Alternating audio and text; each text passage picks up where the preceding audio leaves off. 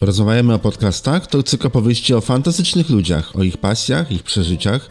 To historie osób, które, tak jak my, kochają podcasty i właśnie za pomocą mikrofonu chcą podzielić się z nami swoją wiedzą, hobby i myślami.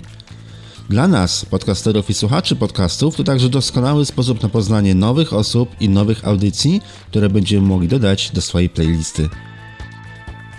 Moim dzisiejszym gościem jest Mikołaj Ciechomski, facet, który odwiedził do tej pory blisko 40 krajów i wczoraj wrócił, jutro wyjeżdża. Dzisiaj ma czas na rozmowę. Witam cię serdecznie, Mikołaju.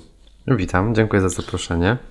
E, powiedz mi, skąd wróciłeś, bo faktycznie jak się umawialiśmy, to, to, to, to pisałeś, że jesteś właśnie gdzieś, gdzieś w rozjazdach. Skąd, skąd przyjechałeś? Tak, e, mimo tego, że mamy taką zimową porę, grudzień, to postanowiłem, że wyjadę na Cypr, e, polecę. I był to tygodniowy pobyt, bardzo sympatyczny zresztą. Także polecam każdemu, kto ma ochotę na taką przerwę zimową, na coś cieplejszego, jakieś fajne miejsce, to Cypr myślę będzie idealny pod tym kątem. A jaka jest teraz pogoda na Cyprze? Bo w tej chwili w Poznaniu jest minus kilka stopni. Wprawdzie pięknie świeci słońce, ale mamy ładny mrozik. Aha. Nie, no to na Cyprze mamy około 18-19 stopni, taka jest średnia temperatura, w, powiedzmy tak do, do połowy grudnia, więc może nie są to takie temperatury, przy których można się opalać na plaży, a plaże Cypr ma naprawdę zaskakujące, e, ale na pewno to jest dobry moment i dobra pogoda na zwiedzanie, bo no, Cypr bardzo ma dużo do zaoferowania pod tym względem, także tygodniowy pobyt z wypożyczonym samochodem, objechana prawie cała wyspa, Myślę, że będzie z tego bardzo fajna relacja na bloga, bo mi się bardzo podobało, więc myślę, że moim czytelnikom też się spodoba. To czekam w takim razie na relację. Ty prowadzisz blog o podróżach i prowadzisz również podcast o podróżach. Tak, e, prowadzę bloga życie w podróży.pl. E, w zasadzie od e, no, trzech lat, od 1 stycznia 3 lata minął, więc już jakiś czas. Natomiast podcast, tak, tą, tą przygodę z podcastem zacząłem bardzo niedawno, bo to w zasadzie, ja wiem, może miesiąc dopiero trzy odcinki podcastu, ale absolutnie wciągająca przygoda. Także też każdemu bardzo polecam. O tym magicznym mm, takim przełomem, który właśnie decyduje o tym, czy będziemy robili podcasty dalej, czy nie, to podobno jest siódmy odcinek. Zobaczymy. Ty ten siódmy odcinek masz jeszcze przed sobą, ale jeszcze na moment wrócę do Twoich rozjazdów, do Twoich e, podróży, bo jutro gdzieś wyjeżdżasz znowu. Dokąd tym razem? Tak, planuję wyjazd e, do Budapesztu, bo już e, ze znajomymi mamy taki zwyczaj, bardzo fajny, on się sprawdził do tej pory bardzo dobrze, czyli co roku w grudniu wyjeżdżamy na jakiś jarmark bożonarodzeniowy, każdego roku jest to inne miejsce, a w tym roku stwierdziliśmy, że będzie to Budapeszt i chociaż już byłem w Budapeszcie e, nie jeden raz, to to miasto też faktycznie bardzo takie magiczne, a szczególnie w tym okresie mm, grudniowym, to to no z tego co widziałem zresztą, tak, w internecie, bo szukałem informacji na temat tego, jak taki jarmark wygląda, to naprawdę zjawiskowo, więc chcemy zobaczyć to z przyjaciółmi na żywo. To będzie co prawda krótki wyjazd, bo czterodniowy, tak, cztery dni dosłownie, no ale myślę, że to wystarczy, żeby poczuć tą magię tego miejsca w takim właśnie okresie e, i no jestem pewien, że będzie przyjemnie. To się okaże. Ciekawy pomysł, czyli jeździcie po różnych miastach, tak, w takim okresie świątecznym i podziwiacie, tak, zaliczacie, że tak brzydko powiem, mhm. jarmarki. Tak, one są co prawda dosyć podobne do siebie, tak? No bo nie oszukujmy się, w jarmark bożonarodzeniowy on wygląda dosyć podobnie w różnych miastach, zazwyczaj stolicach europejskich. Różnią się mm, najbardziej chyba jednak wielkością, tak? Bo w niektórych miastach są to po prostu określone mm, jeden, dwa place, natomiast w innych to jest no, prawie zakres całego miasta, można powiedzieć, więc e, tak, to są, to są różne miasta, różne stolice europejskie, ale każdy z nich e, no troszeczkę się czymś różni, więc chcemy jakby posprawdzać, doświadczyć tego na własnej skórze. Wczoraj też na blogu yy, wrzuciłem akurat nowy taki post na temat też yy, jarmarków bożonarodzeniowych, które warto odwiedzić, więc tam Budapeszt też już jest opisany, ale chcę to też doświadczyć, zobaczyć i wtedy z własnego, z własnej perspektywy jeszcze trochę to opisać. Będzie relacja? Będzie. Ja, jest, ja mam takie jednak zboczenie zawodowe, czyli teraz no, w zasadzie za każdym razem, kiedy gdzieś wyjeżdżam, to, to miejsce, które poznaję, staram się y, tak lepiej poznać pod kątem też moich czytelników, tak? Czyli chcę jakby sprawdzić, jakie są koszty takiej podróży, gdzie warto nocować, co warto jeść, jak warto się przemieszczać. W taki sposób, żeby to było niskobudżetowe, bo ja sam w taki właśnie sposób podróżuję. Nie mogę sobie pozwolić za bardzo na to, żeby e, wydać zbyt duże pieniądze przy częstych podróżach, tak? bo no, po prostu nie stać mi na to za bardzo. A po drugie, to jest dosyć ciekawy rodzaj podróżowania, tak? kiedy nie mamy ogromnego budżetu, musimy się w jakiejś kwocie zmieścić. E, to wtedy jest ciekawie, bo staramy się jakoś to dobrze zaplanować, żeby to fajnie wyszło. Ja się spotkałem kiedyś nawet z opinią, że dużo więcej można zwiedzić, dużo więcej można zobaczyć i dużo więcej można przeżyć, jeżeli właśnie jedzie się z jakimiś niewielkimi pieniędzmi. No bo najczęściej jak ktoś już ma duże pieniądze przygotowane na jakiś konkretny wyjazd, to z reguły wygląda to w ten sposób, że rezerwuje sobie drogi hotel i mnóstwo czasu spędza albo w hotelu, albo na wycieczkach zorganizowanych gdzieś masowo przez hotel czy, czy przez biuro podróży. Natomiast jak podróżuje się samemu, to właśnie częściej można zobaczyć, no to inne życie, to takie życie nie, nie przygotowane specjalnie dla podturystów, yy, tylko takie właśnie, jakim ono jest naprawdę. Tak, absolutnie się z tym zgadzam. Zresztą to takie dwa proste przykłady. Ja zazwyczaj jeżdżę sam jednak w te swoje podróże i w większości przypadków nocuję w hostelu. Więc porównując chociażby hotel do hostelu, to już jest ogromna różnica pod kątem chociażby kontaktu z ludźmi, bo jednak no, w hotelu mamy swój własny pokój, jesteśmy bardziej zamknięci, E, natomiast hostel jest bardzo takim otwartym miejscem. Zazwyczaj można tam spotkać sporo młodych ludzi, którzy też przyjeżdżają, żeby to miejsce poznać, są otwarci, można z nimi porozmawiać, wymienić się informacjami na temat tego, co warto w danym miejscu zobaczyć, więc to już tak e, zupełnie z innej perspektywy ustawia mi mm, dane miejsce. E, no a poza tym też typ podróżowania. Wspomniałeś o biurze podróży. Ja akurat w biurze podróży pracuję, więc też mam takie porównanie. No i jednak taka wycieczka zorganizowana, gdzie będąc już na miejscu wsiadałem do autokaru, jedziemy do jakiegoś określonego miejsca, do jakiegoś muzeum, nie wiem, tego typu y, lokalizacji, no to jesteśmy bar bardzo ograniczeni jednak. A tutaj, czy wypożyczając samochód, czy, czy skuter nawet czasami, czy rower, w zależności od tego, jak kto woli podróżować, to mamy większą możliwość e, no, poznania większej ilości miejsc. To jest w 100% zależne od nas. Nie jesteśmy uzależnieni w zasadzie od y, nikogo, więc te, te, te dwa przykłady tak dobrze pokazują, że no to jest fajna forma podróżowania, a zazwyczaj o wiele tańsza od klasycznego wybierania się z biurem podróży w jakieś miejsce. Ciekawe, co na to powie twój pracodawca. Mam nadzieję, że nie będzie tego słuchał. nie, nie, e, zdecydowanie biuro podróży też bardzo polecam, jak najbardziej, prawda? Dla kogoś, kto chce odpocząć po roku ciężkiej pracy w formie all inclusive na plaży z lekkim jakimś zwiedzaniem, jak najbardziej, ale dla kogoś, kto lubi często e, zwiedzać, poznawać nowe miejsca i nowych ludzi, bo to też jest ważne, e, to taka forma samodzielnej wyprawy myślę, że jest godna polecenia. No nie na pewno biuro podróży ma również swoje zalety i na pewno biuro podróży też jest w stanie nam dużo zaoferować. To się oczywiście śmieje. No wiadomo, w zależności od tego, kto tak naprawdę co lubi, to co powiedziałeś. Jeżeli ktoś e, po prostu jedzie, żeby odpocząć, no to nie będzie załatwiał, wiadomo, wycieczek na, na własną rękę, tylko już mm, tutaj zdecydowanie lepiej będzie skorzystać z oferty biura podróży. E, powiedz mi, czy możesz zdradzić, nie wiem, czy, czy, czy, czy możesz, czy chcesz rozmawiać o, o też o, o kosztach, o finansach, czy możesz zdradzić, mhm. ile kosztowała twoja ostatnia wyprawa, ten tydzień właśnie na Cyprze? No myślę, że to będzie kwota około 1100 zł. Co prawda relacja jest w trakcie przygotowywania i zliczam te, te wszystkie elementy, ale myślę, że około 1100 zł. Przy czym e, chciałem podać e, dwa przykłady kosztów, które pokazują jaka jest różnica między tak, taką podróżą samodzielną i to poza sezonem kontra e, grupową w sezonie. Pierwszy przykład to, to nocleg. E, akurat w większości przypadków, jak wspomniałem, korzystam z hosteli.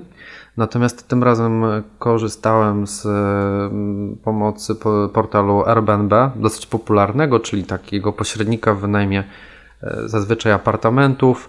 I faktycznie taki dwuosobowy apartament, e, ponieważ jechałem z kolegą, kosztował nas po 50 zł za dobę w centrum Larnaki E, no, w zasadzie świetnie wyposażone, tak, we wszystko, co powinno mieć takie miejsce, czyli kuchnia, salon, sypialnia, balkon, no wszystko. Więc cena naprawdę mhm. dobra. E, tutaj hotel byłby, myślę, dwa razy droższy. I drugi dobry przykład to jest wypożyczenie samochodu. Mm, zapłaciliśmy e, uwaga, 40 euro za cały tydzień wypożyczenia samochodu, co jest stawką, mówmy się, bardzo dobrą, ponieważ tyle mniej więcej kosztuje jeden dzień wypożyczenia samochodu w sezonie. Więc e, jeżeli myślicie o tym, żeby właśnie gdzieś wyjechać, e, kiedy u nas jest zimno, ponuro, szaro, to na pewno warto rozważyć takie, takie momenty poza sezonem, bo wtedy jest po prostu taniej, jest o wiele mniej turystów też na miejscu, co dla mnie jest też dużym plusem, bo też nie lubię jakichś dzikich tłumów. Także super sprawa, naprawdę polecam też pod kątem właśnie, tak jak mówię, finansowym. A jeśli mówimy o finansach jeszcze, to tak, jedną z takich cech y, tych moich artykułów na temat różnych miejsc, do których jeżdżę, jest to, i od nich zresztą zaczynam zawsze y, daną relację z podróży, to są koszty. I to jest wykaz, no myślę, dosyć dokładny. Co prawda nigdy nie wrzucę tam informacji na temat kosztów wyżywienia, bo one są naprawdę no, bardzo różne, one zależą od tego, co kto lubi, ale te elementy stałe, związane bezpośrednio z taką podróżą one są, także każdy może e, jakby sprawdzić, co ile kosztowało i na tej podstawie też może i zaplanować coś swojego. Mhm, jasne. E, jak godzisz swoje podróże ze swoją pracą? No, od niedawna pracuję na pół etatu e, i to była taka moja zupełnie świadoma decyzja, bo wcześniej była to praca pełnoetatowa no i nie ukrywam, że ze względu na no, moją pasję w postaci podróżowania i blogowania, yy, postanowiłem trochę pozmieniać coś w swoim życiu. I stwierdziłem, może zabrzmi to bardzo tak górnolotnie, ale że chciałbym trochę pozmieniać coś w swoim życiu i poświęcić się bardziej temu, co lubię, co kocham. No brzmi ładnie, wiadomo, że finansowo już trochę inaczej to wygląda, więc tym bardziej e, to powoduje, że te podróże muszą być niskobudżetowe, ale mm, no tak sobie pomyślałem ostatnio, tak, że żyjemy, nie wiem, powiedzmy te 80 lat, no i nie chciałbym pod koniec tego okresu swojego życia żałować pewnej rzeczy, tak? No postanowiłem po prostu inwestować w swoje marzenia, w swoje w swoje plany i, no i cieszę się z tego. Także łączę to w ten sposób, że no, pół etatu, tak, jestem w pracy, drugie pół etatu to jest poświęcanie się y, swoim pasjom. Ostatnio zacząłem też taki bardzo intensywny kurs angielskiego, który też wymaga czasu, więc to, to wszystko musiało się zmieścić w tej dobie, którą każdy z nas ma. Mm, mhm. Tak, także tak to wygląda w moim przypadku. Dobrze, że udało Ci się połączyć tutaj pracę z Twoim hobby, z Twoimi wyjazdami, no bo nie zawsze, nie w każdej firmie e, się coś takiego udaje. Czyli no to rozumiem, taka... że pół etatu to jest tak, że część e, po prostu czasu spędzasz więcej w pracy, tak? Żeby, żeby ewentualnie potem gdzieś wyjeżdżać? Nie, no pół etatu, czyli mm, tak jak klasycznie, tak? Ktoś pracuje średnio powiedzmy 20 dni w miesiącu, ja pracuję 10 dni w miesiącu, więc mhm. E, po prostu jest to mniejsza ilość czasu, którą na tą pracę poświęcam.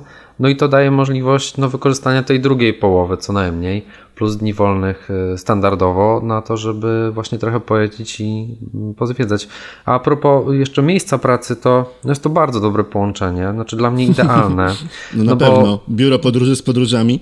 Absolutnie. Znaczy, z jednej strony mm, są takie fakty, przynajmniej były takie momenty, kiedy klient przychodzący do biura podróży i który mówi o tym, jak planuje spędzić swój czas na urlopie i wspomina właśnie o formule all inclusive, o tym, że planuje leżeć na plaży, to jednak y, wychodzi ze mnie coś takiego, że ja zaczynam jednak mówić też o tym miejscu, do którego dana osoba planuje jechać i pokazuje różne ciekawe y, miejsca, które warto by było tam zobaczyć, odwiedzić. I kiedy widzę, że ta osoba specjalnie nie jest zainteresowana takim rodzajem spędzenia tego czasu, tylko po prostu dajmy na to leżeniem na plaży przez ten tydzień, to, to coś się we mnie dzieje takiego, ale już zacząłem to chyba bardziej jednak akceptować, szanować, że każdy ma swoją własną e, wizję swojego urlopu i każdy ma do tego prawo.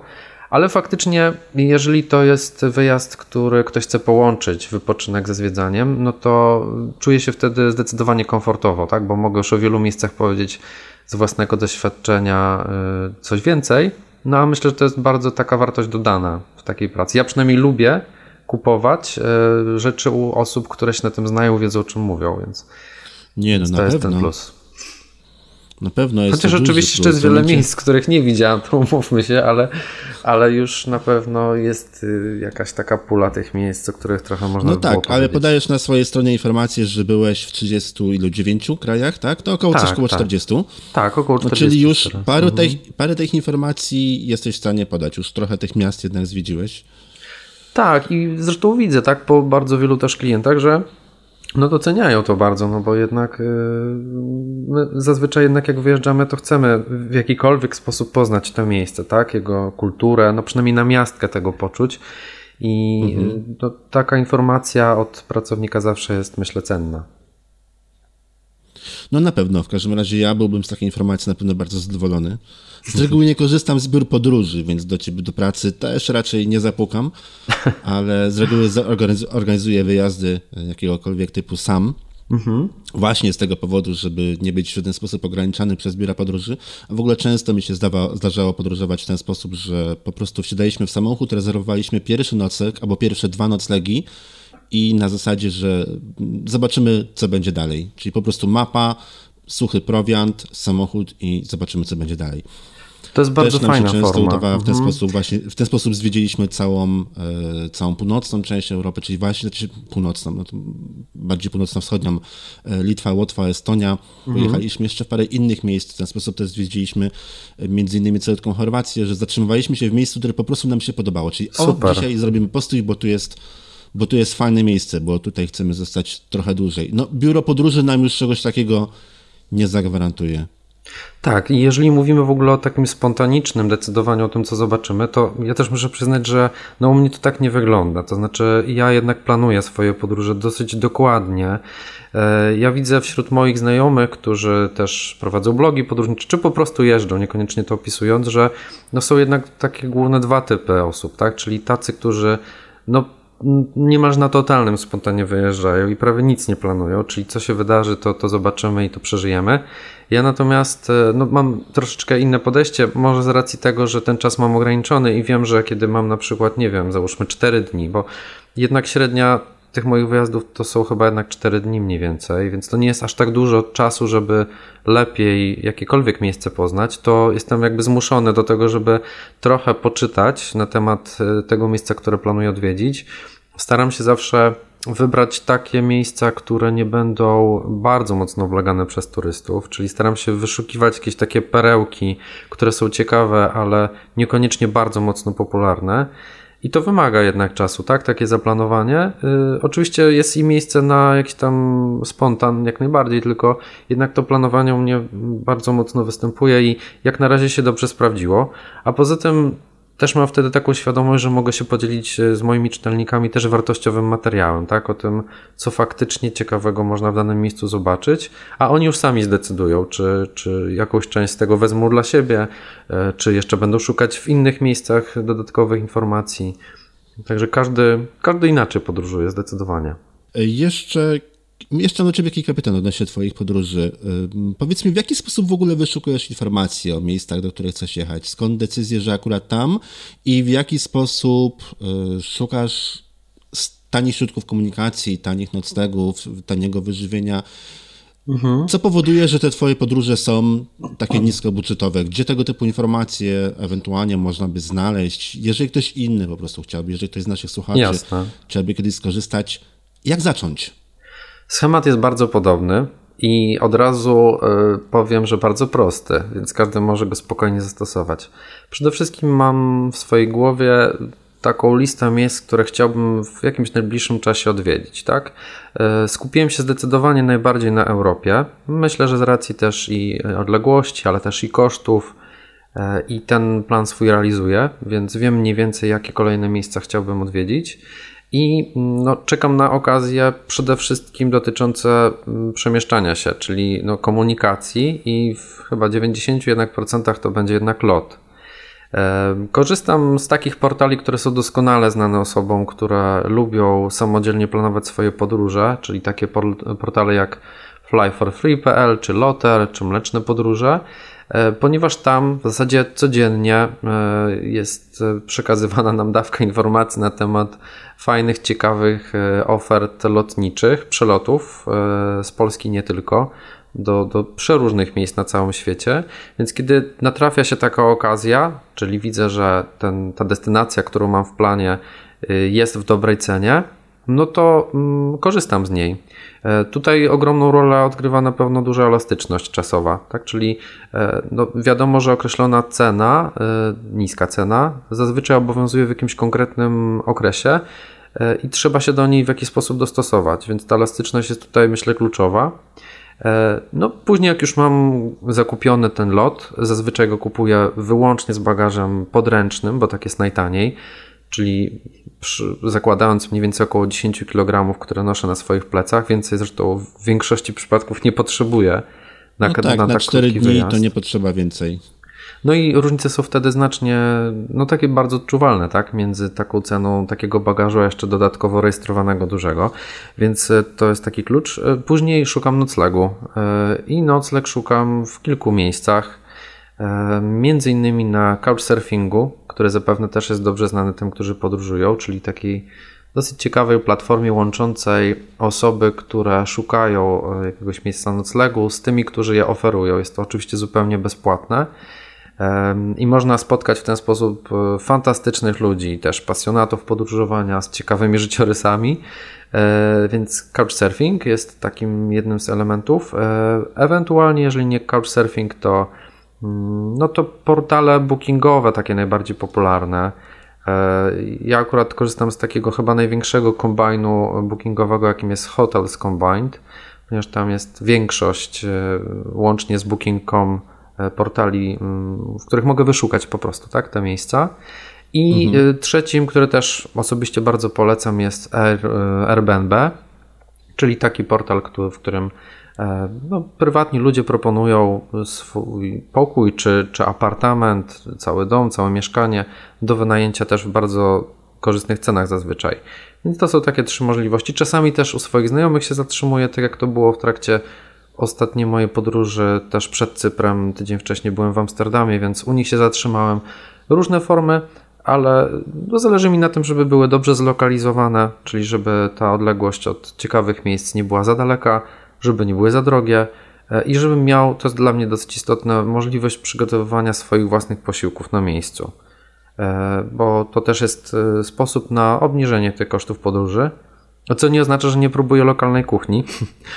Oczywiście z niej też korzystam, ale w większości przypadków staram się sam przygotowywać też na miejscu jedzenie. No tak, ale nastawienie się wyłącznie na kuchnię gdzieś w restauracjach to jednak jest no, zupełnie inny koszt, nie?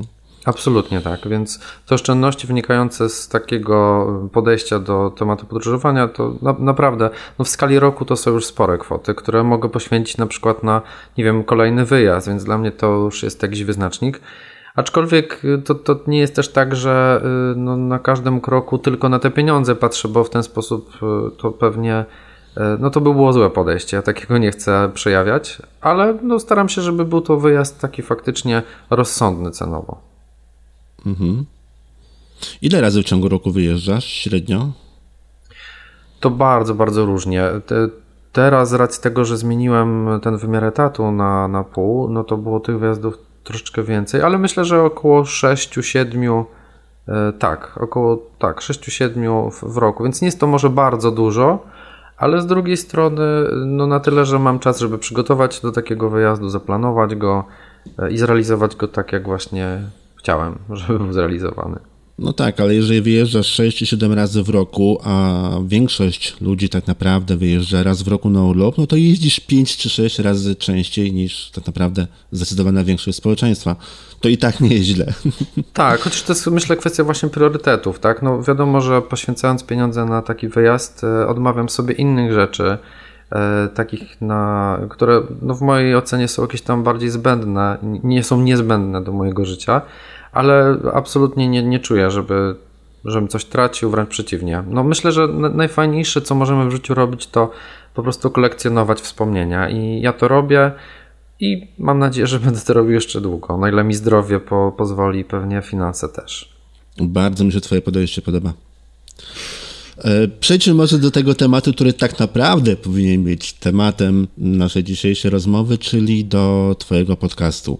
E, rozumiem, że, znaczy rozumiem, domyślam się, że temat na Twój blog wziął się właśnie z Twojej pasji do podróżowania. Chciałeś się dzielić tymi tematami, ale skąd pomysł na podcast? Podcast jest całkowicie jednak innym sposobem komunikacji gdzieś ze swoimi odbiorcami niż e, jakieś relacje z podróży opisywane na blogu. Mhm. Nie, to prawda, ale to wynika u mnie akurat chyba z tego, że sam po prostu lubię słuchać podcastów. E, u mnie ta przygoda z podcastami zaczęła się dosyć dawno. E, w pewnym momencie postanowiłem, że chciałbym jeszcze poprawić swój angielski. No i taką naturalną zupełnie mm, formą było oglądanie po angielsku filmów, ale było mi mało, więc stwierdziłem, że przy różnych y, domowych obowiązkach mogę też przecież słuchać czegoś po angielsku. I tak trafiłem między innymi na taki chyba najbardziej popularny podcast y, podróżniczy w języku angielskim, który nazywa się Zero to Travel. Każdemu bardzo serdecznie polecam, jeżeli znacie angielski, to, to naprawdę pełen pasji i taki motywujący bardzo podcast. I bardzo dużo go słuchałem, bardzo mi się to podobało i stwierdziłem, że też chciałbym w jakiejś najbliższej przyszłości spróbować takiej formy komunikacji, bo to jest, no dla mnie jest to jedna z takich platform komunikacyjnych ze słuchaczami.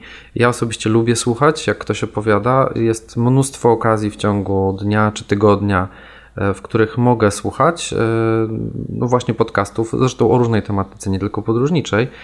E, I stwierdziłem, że też chciałbym, tak? I to jest bardzo wciągające. Już się przekonałem. Co prawda, dopiero trzy odcinki pojawiły się w ciągu miesiąca na, na moim blogu, ale myślę, że to jest taka przygoda, która szybko się nie skończy, bo tematów około podróżniczych jest naprawdę całe mnóstwo. Mm, znam osobiście bardzo dużo osób, które naprawdę no warto, żeby inne e, osoby je poznały, żeby posłuchały o ich doświadczeniach, bo myślę, że potrzebujemy takiego pozytywnego kopa, inspiracji na co dzień, żeby było po prostu ciekawie, tak? Żeby to życie było naprawdę przeżyte jak najlepiej. No, na pewno, ale mm, podziwiam Cię ze względu na Twoje podejście, bo wziąłeś się za tak naprawdę chyba najtrudniejszy rodzaj podcastowania, czyli za wywiady. Mało kto tak naprawdę ma odwagę, żeby zacząć w ogóle całą swoją przygodę z podcastami właśnie od e, prowadzenia rozmów z innymi osobami. Większość osób najpierw próbuje coś zrobić samemu, a dopiero potem za jakiś czas gdzieś wychodzi do innych osób. No u ciebie to, to wyglądało zupełnie inaczej, bo zacząłeś od razu od podcastu. Wielki no szacun, tak, bo te...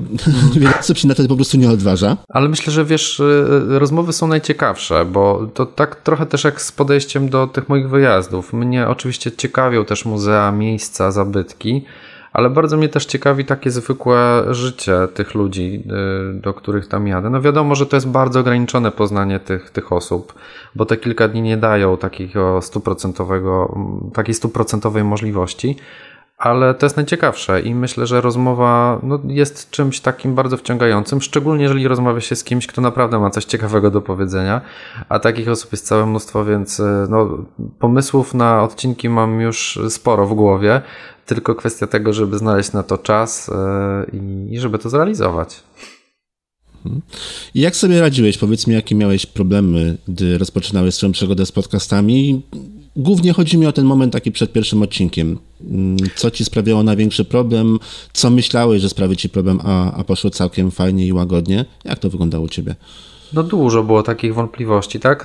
Przede wszystkim te związane z takimi aspektami technicznymi, czyli takie podstawy, które na pewno każdy podcaster na początku musi przejść, czy chce, czy nie, czyli jaki mikrofon wybrać, e, w jaki sposób, jaki program do nagrywania wybrać, e, w jaki sposób e, to wszystko w jedną całość sensowną zmontować, bo no przekonałem się, że to jednak jest też sporo pracy przy tym, tak? Zresztą już wcześniej wiedziałem o tym prowadząc bloga, że przygotowanie na przykład relacji z wyjazdu zajmuje bardzo dużo czasu.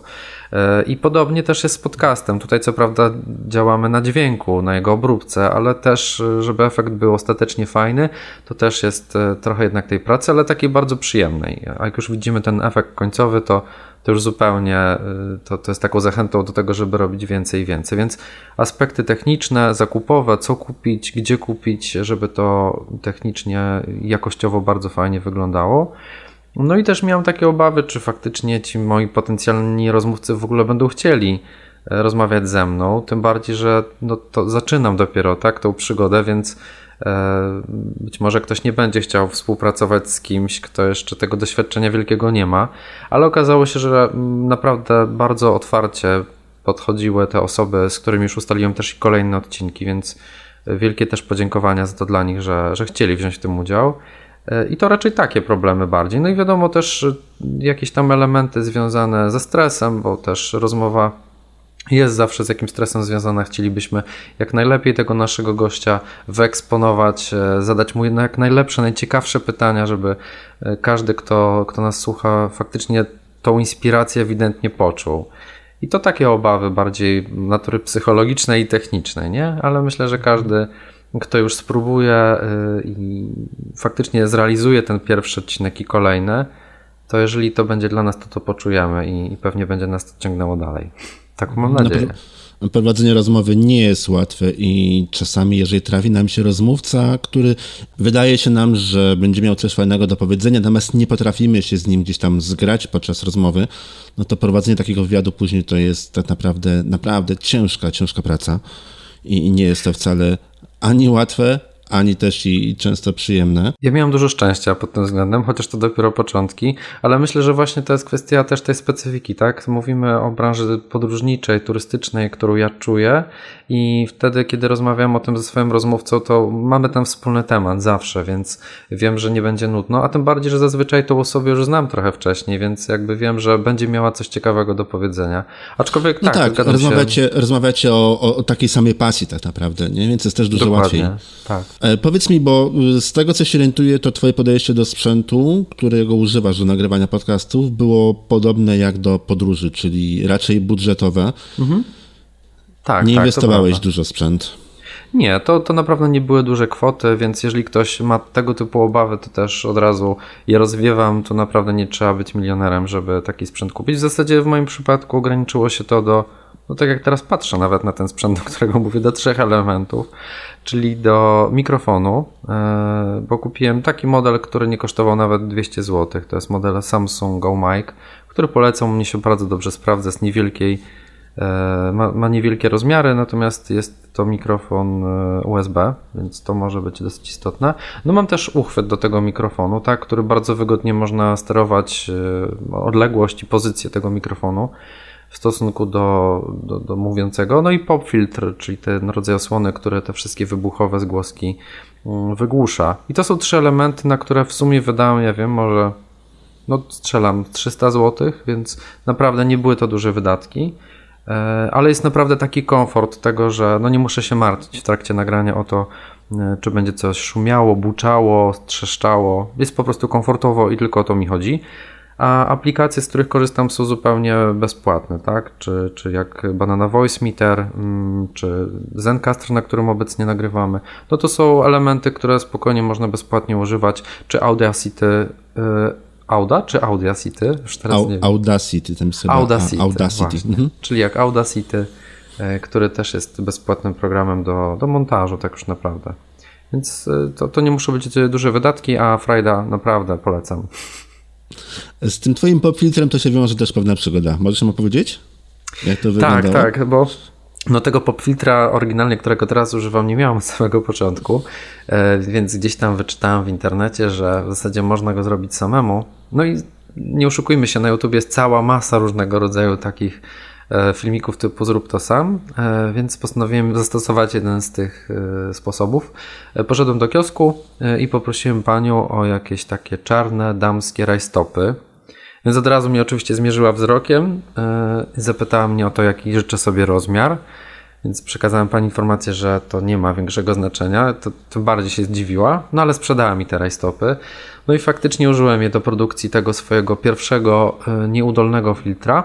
Zresztą na yy, Facebooku E, kiedy wrzucałem zdjęcie z tego pierwszego odcinka, jak go nagrywałem, to, to tak trochę widać, tak, że jest to taka przedziwna konstrukcja, jeszcze żadnego takiego... Oj, to muszę poszukać. Tak, naprawdę to, to było wydarzenie wielkie i wtedy nie ukrywam, w trakcie tego pierwszego odcinka bardziej koncentrowałem się na tym, żeby no niczego tutaj nie dotykać za bardzo, żeby to technicznie dobrze jakoś tam wyglądało ostatecznie.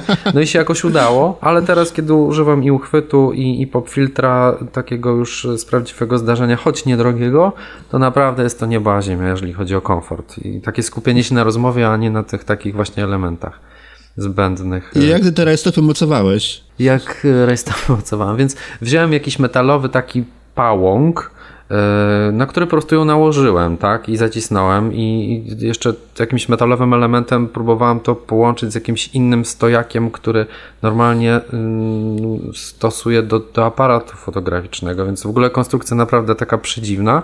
E, później jeszcze wpadłem na pomysł, że muszę to e, zupgrade'ować, zanim e, otrzymam zamówiony zresztą w Chinach pop filtr, więc wiedziałem, że będę jeszcze długo na niego czekał, pewnie około miesiąca. I zrobiłem sobie taki pop filtr. Poszedłem po prostu do sklepu z pasmanterią, kupiłem coś, co nazywa się chyba tamborek, jeżeli dobrze pamiętam, i tam resztę tej rajstopy, która mi została, zamontowałem. To był taki, taki krążek z tą rajstopą. No i też jakoś karkołomnie próbowałem to sklecić. W zasadzie trzeci odcinek, ten ostatni, który y, dzisiaj wyemitowałem, y, rozmowę na podcaście, jest dopiero pierwszym, który tak nagrałem od początku do końca na tym nowym zestawie, tak? I którego chyba będę się już dosyć długo trzymał, bo no, póki co nie czuję, żeby, żebym potrzebował jeszcze czegoś więcej. Mhm. A tamten się nie rozleciał podczas nagrania? Nie, nie, nie rozleciał się. Udało się do samego końca wytrzymać, ale naprawdę było bardzo stresująco momentami. No ale takie są początki, prawda? Wszystkiego. Myślę, że jeżeli przez nie takie no. rzeczy przebrniemy, to już nic nie będzie nam straszne i jeżeli będziemy nadal czuć taką chęć, żeby to tworzyć, to, to warto. Zresztą ja pamiętam twoją pierwszą rozmowę z twoim gościem, tak, który te, też mówił o tym, jak, jak próbował, jakie były jego początki. Zresztą mhm. każdemu polecam też tą rozmowę do odsłuchania, naprawdę y, bardzo taka inspirująca. To naprawdę no, większość z nas musi przejść przez jakiś taki etap, tak, początkowy, ale później myślę już jest z górki i, i później już jest w porządku. Znaczy, no ja miałem bardzo podobne problemy. Znaczy, generalnie do tej pory nikt jeszcze nie zrobił wywiadu ze mną na temat moich podcastów, e, ale ja miałem bardzo podobne mm, problemy tak naprawdę też właśnie, jaki wybrać mikrofon, co zrobić z tym nieszczęsnym popfiltrem. Wprawdzie nie, nie ryzykowałem zakupu żadnych rajstop, stwierdziłem, że i tak nie będę umiał tego w żaden sposób zamocować. E, ale też było, też było trochę śmiechu. Ja w sumie zamówiłem, no też w Chinach, nie ukrywam, mhm. też w Chinach zamówiłem po prostu mocowanie do, te, do tego, do mikrofonu, które mam zamocowane w tej chwili na takim ramieniu, takim pałąku i to jest razem właśnie już e, w zestawie z popfiltrem, także może kiedyś wrzucę gdzieś na, na, na Facebooka zdjęcie, jak to razem wygląda. No jest dosyć stabilne i trzyma się i mogę tym spokojnie ruszać. Ale no kusiło mnie też, chodzi, też bo tak... przeglądałem, przeglądałem filmy też na YouTubie i też kusiło mnie właśnie, żeby zrobić jakąś taką totalną samoróbę właśnie, czy, czy pop filtr gdzieś z Rajstop, czy jakiś mhm. statyw gdzieś z patyków powiązanych gumkami, no cokolwiek, żeby, żeby ten pierwszy odcinek nagrać. Też było wesoło. Ale to wiesz, Krystian, to jest tak, myślę, że jak już na coś zdecydujemy, czyli zaczynamy działać w jakimś temacie i jesteśmy tak bardzo podjarani tym tematem, to chcemy to zrobić jak najszybciej. Więc jak ja miałem świadomość tego, że jeszcze miesiąc mam czekać na ten pop filtr, no to stwierdziłem, no dobra, no to spróbuję jakimiś własnymi siłami, tak? I okazało się to dobrym rozwiązaniem w sumie, bo, yy, no bo jeżeli coś tak w tobie siedzi i cię pcha, żeby zacząć coś działać w jakimś temacie, to nie ma co jakby tego powstrzymywać, nie? Tylko trzeba. Nie, no jasne, działać. przez ten miesiąc teraz, jak sam powiedziałeś, trzy odcinki napisałeś. No, no właśnie, tak? efektywność ewidentnie duża. No. no. ale jeżeli chodzi o Popil, to faktycznie, no teraz tak nawet sobie sprawdziłem, zapłaciłem z niego 30, tam chyba 2 złota, no faktycznie czekałem niecały miesiąc. Za uchwyt zapłaciłem chyba około 75 zł, ale to już w Polsce go zamawiałem i też się świetnie sprawdza, więc no tak, dokładnie y, tam 200 zł, tak, mikrofon, tutaj stuwa, no 300 zł za taki zestaw, więc naprawdę, mhm. nie, nie są to myślę jakieś przeogromne kwoty dla kogoś, kto by się miał pasjonować y, takim zajęciem. No nie są to duże kwoty. Znaczy zauważyłem, że osoby, które próbują robić podcasty albo naśladują innych podcasterów i, i właśnie e, starają się kupić sprzęt taki, jakie mają inne osoby, ich idole, osoby, które mhm. gdzieś tam się chwalą na, na YouTubie, czy właśnie też w swoich podcastach. mm, albo szukają po prostu jakichś rozwiązań, czy właśnie w filmach chociażby na YouTubie, czy, czy gdziekolwiek indziej i próbują coś z tego jakoś sklecić, niezależnie od tego, co naprawdę mają inni podcasterzy. No ja nie pytałem mojej poprzedniej rozmówniczki, nie pytałem Magdaleny o, o to, jakiego sprzętu używa, ponieważ ona jest zawodowym lektorem, więc sam mikrofon, z, z którego Magda korzysta, kosztuje grubo ponad 2000 złotych E, to już to po prostu bez sensu było o sugerowanie tego typu rozwiązań dla podcasterów. Jasne. Natomiast no, mikrofon za 200 zł plus reszta za powiedzmy te, ile mówisz, 100 zł, tak? Około 100. Mhm. No to są, to, to nie są wielkie koszty faktycznie. To nie są pieniądze, na które no nie wiem, musielibyśmy sobie jakoś specjalnie mm, zrezygnować z czegoś innego. Jest to po prostu kwota do, do, do przełknięcia. Zresztą każdy, kto myśli o podcastowaniu od rozpoczęciu tej przygody, myślę, że powinien koniecznie zajrzeć przede wszystkim do Ciebie na stronę i poczytać sobie trochę na, na tematy związane z no wszystkim, co jest związane tak, z prowadzeniem podcastu i to już będzie bardzo duża podpowiedź. Myślę, że no, mnie na przykład y, przekonały informacje, które u Ciebie znalazłem i w dużym stopniu zachęciły, więc y, też szapoba i wielkie podziękowanie od razu. Nie to, żebym się podlizywał, broń Boże, ale to mówię zupełnie szczerze. To były bardzo praktyczne informacje, które no, bardzo mi pomogły. Między innymi też kilka rzeczy pozmieniałem, tak, od momentu, kiedy wpadł mi pomysł do głowy do realizacji, które powodują, że to jest po prostu lepsze, więc i odbiorca ostatecznie Dziękuję, dziękuję wygrywa. bardzo za pozytywną opinię. Absolutnie podcast ma, to do siebie, podcast ma to do siebie, że bardzo rzadko mamy kontakt z naszym odbiorcą, bo z reguły podcastu się słucha gdzieś na telefonie i, i nie zawsze jest możliwość zajrzenia potem do internetu, wystawienia komentarzy. E, tutaj w filmach wygląda troszeczkę inaczej, ale no każdy, każdy taki feedback, każda taka e, informacja zwrotna jest zawsze mile widziana i ja, ja też jestem łasy na pochwały, jak wszyscy inni. No myślę, że Dziękuję tu warto by było też tak jakby ostrzec, czy poinformować tych, którzy będą zaczynali mm, w przed tym, że faktycznie nie ma może co się spodziewać bardzo jakiejś ogromnej liczby komentarzy, na przykład na blogach pod podcastami, bo jednak podejrzewam, że duża część słuchaczy słucha ich no, w inny sposób, tak? Czy na iTunesie, czy przez telefony komórkowe, no bo jednak specyfika jakby mm, samego podcastu jest taka, że nie wiem, idziemy pobiegać, mamy godzinkę czasu, więc sobie posłuchamy tego, wykonujemy różnego rodzaju jakieś tam czynności i to, no to ma wpływ na pewno na to, że no niekoniecznie już każdy będzie tutaj od razu się dzielił z nami swoimi wrażeniami, żeby też e, jakby nie spodziewać się bardzo mocno tego i nie czuć się też zawiedzionym, tak, że może odzew nie jest tak duży, jakbyśmy chcieli. Tu trzeba na pewno dużej cierpliwości. Ja myślę, że jakość i merytoryka tego, co się robi, same się obronią. No tak, zgadzam się z tobą, bo bardzo często właśnie słuchamy. Ja wiem przynajmniej jak ja słucham podcastów. Y, ja też y, prowadzę podcast i słucham podcastów i w momencie, gdy nagrywam jakieś nowe audycje, no to chciałbym, żeby pojawiły się jakieś komentarze, czy w iTunesach, czy na mojej stronie internetowej, no po prostu, żeby była jakakolwiek reakcja, jakikolwiek odzew gdzieś y, też i od moich słuchaczy. Natomiast kiedyś właśnie zapałem się nad tym, że co ja robię jako słuchacz podcastu. W momencie, kiedy mhm. ja słucham podcastu, to słucham ich praktycznie zawsze, gdy jestem poza domem. Gdy prowadzę samochód, gdzie gdzieś idę, gdy gdzieś jadę, gdy po prostu mam chwilę taką, nie wiem, idę do ogródka, e, uporządkować kawałek jakiejś grządki czy, czy coś. W, w tym roku latem prze, przeorganizowywałem kawałek ogrodu, w związku z czym też sporo czasu e, spędzałem po prostu z łopatą w mhm. ręce. To jest świetny czas, żeby założyć słuchawki na uszy, schować gdzieś kabel, żeby się nie plątał. No i w takiej sytuacji słucham podcastów, natomiast nie reaguję na te podcasty, nie, nie, nie komentuję, nie odpisuję, mm, nie zaglądam na Twittera czy też na Facebooka osób, których podcastów słucham. No i przypuszczam, że po prostu w ten sposób reaguje też większość osób, które tak naprawdę gdzieś e, są naszymi odbiorcami, że po prostu słuchają tych podcastów w momencie, kiedy niezbyt wygodnie jest im mm, mhm. Interweniować, tak. interweniować, czy też, nie wiem, robić cokolwiek w danym momencie. Takim popularnym teraz terminem jest e, taki angielski termin influencer, tak? Czyli no, zazwyczaj to jest bloger, powiedzmy youtuber czy podcaster. E, wszystko to bardzo ładnie brzmi. Natomiast no, osoby, które cokolwiek tworzą, cokolwiek by to było, no są jednak żądne trochę efektu tego, tak? Jakiegoś odzewu, jakiejś informacji zwrotnej. Nawet gdyby ona miała zawierać jakieś takie porady dotyczące ulepszenia tego, co robimy, ale jednak ten feedback jest dla nas dosyć ważny, więc y, ja to widzę na przykład po ja widzę, co ja, co ja robię, kiedy na przykład czytam jakiś artykuł, który jest dla mnie ciekawy, albo słucham czegoś, co jest dla mnie ciekawe, to mimo wszystko, już tak patrzę pod kątem właśnie osoby, która też coś tworzy, staram się pozostawić e, jakąś informację, jakiś znak o tym, że słyszałem, czytałem, podoba mi się, bo uważam, że to jest taki drobny, ale jednak wkład w taką pracę, czasami ciężką, którą ktoś wykonuje, żeby dany materiał przygotować, szczególnie jeżeli jest naprawdę fajny, wartościowy, tak? To zawsze, no już nie chodzi o jakieś mhm. tam ego, które jest połechtane, ale o to, że jest to fajna zachęta, jestem pewien, dla takiej osoby do tego, żeby tworzyć coś kolejnego i coś, z czego ja też przecież skorzystam, więc to jest jakby takie nawet samolubne trochę, ale wszyscy na tym wygrywają wtedy, jeżeli jest taki odzew. Także jeżeli wy możecie. No tak, no tak. Odzew, jeżeli przez komputer coś oglądam, jeżeli na komputerze robię. Yy, to wtedy tak. Przeglądam mhm. jakąś stronę, to, to tak.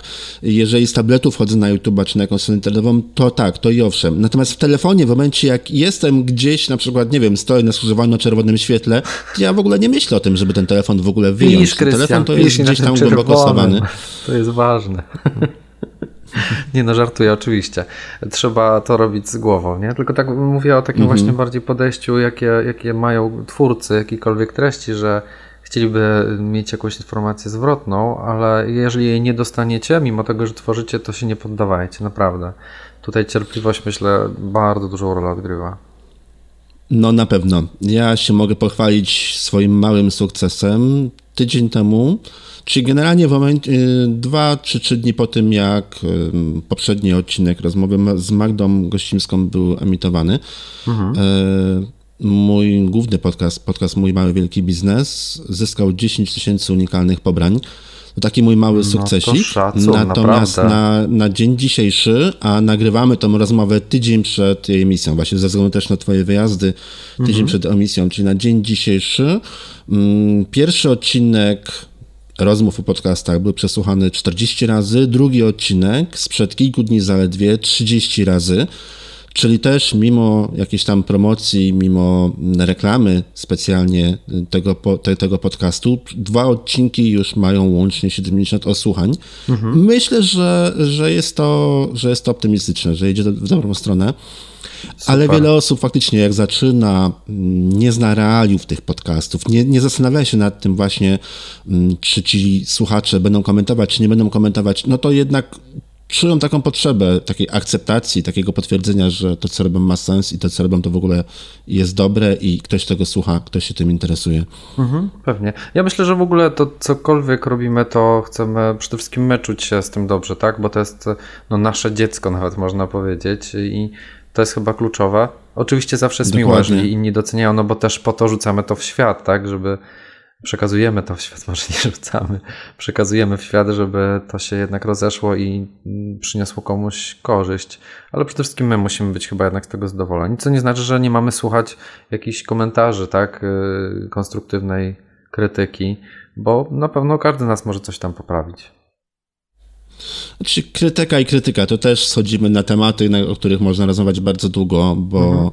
w momencie jak ktoś, ja czasami czytam komentarze chociażby aplikacji y, w Google Play Store, czyli w sklepie z programami na, na, na Androida, i w polskojęzycznej wersji bardzo często jest tak, że komentarze są na przykład głupie albo mhm. do dupy. A w, angl w anglojęzycznej wersji znowu jest program jest fajny, ale brakuje mi takiej, takiej, takiej opcji na przykład. Także to też zależy e, od tego, mm, gdzie jakie te komentarze są. Komentarz pod tytułem głupi albo tak, do dupy tak naprawdę nie, wnosi, nie mówi prawda? mi nic, bo ja nie wiem, co mhm. się temu odbiorcy nie podoba, co go zraziło. Komentarz Dokładnie. też komentarzowi nieróżny tutaj w takiej sytuacji. Mhm. Dlatego tak mówię konstruktywna krytyka, nie? bo jednak ona powinna wnosić coś, przekazywać jakąś informację. Aczkolwiek myślę, że większość osób, które słucha pierwszego, drugiego, trzeciego odcinka i kolejnych z danej serii, na przykład danego podcastera i nam się już to podoba, to znaczy, że chyba idziemy w dobrym kierunku i trzeba to kontynuować po prostu. Z reguły tak jest. Powiedz mi jeszcze jedną rzecz, bo ja w każdym odcinku pytam i w każdym kolejnym odcinku również będę pytał moich rozmówców. Jakie jest Twoim zdaniem mm, taka pierwsza, najważniejsza, najistotniejsza porada dla osoby, które właśnie dzisiaj na przykład wpadły na pomysł, chce mieć swój podcast? Przede wszystkim moim zdaniem to jest e, Przede wszystkim moim zdaniem chodzi o to, żeby się nie poddawać i żeby zacząć działać od samego początku, tak? Czyli jeżeli już mamy pomysł na to, z kim chcielibyśmy porozmawiać lub ewentualnie sami chcemy przekazywać jakieś informacje na swoim nowym kanale podcastowym, to żeby nie zwlekać z tym, żeby na przykład aspekty jakieś właśnie typu sprzęt i tym podobne nie były jakimś tam przeciwwskazaniem do tego, żeby zacząć, tylko żeby próbować. I właśnie to próbowanie też jest dosyć ważne, tak, żeby posłuchać trochę jak mówimy, czyli nagrać jakiś fragment, posłuchać jakie może błędy językowe popełniamy, czy możemy na nimi jakoś zapanować, ale przede wszystkim, żeby po prostu e, działać, działać, jeszcze raz działać i się nie poddawać, niezależnie od tego, jakie będziemy mieli po drodze problemy techniczne, bo pewnie i takie się mm, zdarzą, mi się zdarzyły już w ciągu tych trzech odcinków też, więc mimo to myślę, że jeżeli mm, będziemy robili to, co czujemy, i to jest bardzo ważne, jeżeli zaczniemy, e, polubimy to, e, stwierdzimy, że to jest coś, co, co, co, co jest zgodne z nami, pasuje nam, to żebyśmy to robili, mimo różnych przeszkód. I tyle i aż tyle, tak? Ile u ciebie, jak długo u ciebie trwał ten okres pomiędzy podjęciem decyzji o tym, że chcesz robić podcast, a faktycznym rozpoczęciem? I od samej decyzji bardzo mało czasu minęło, bo myślę, że to była kwestia, ja wiem, może półtora tygodnia. Znaczy, myślałem już wcześniej, że może coś takiego będę robił, ale jak już podjąłem tę decyzję, to około półtora tygodnia, więc myślę, że dość szybko, a wiązało się to tylko i wyłącznie z tym, że no, umówiłem się po prostu na rozmowę z moją rozmówczynią, która mieszka dosyć daleko, bo w Dubaju, więc musieliśmy się jakoś zagrać czasowo. E, myślę, że dosyć szybko te, te działania jakoś tam podjąłem i jestem bardzo zadowolony. Mimo różnych błędów, tak, pomyłek, e, mimo wszystko. Uważam, że było warto i, i, i będę szedł dalej do przodu. Czyli po prostu poszedłeś, kupiłeś mikrofon i zacząłeś nagrywać. Tak, absolutnie tak. A no, wiadomo, mikrofon i tą osławioną rajstopę damską, prawda? I ten rajstopę damską, tak. byłoby ciężko. Absolutnie.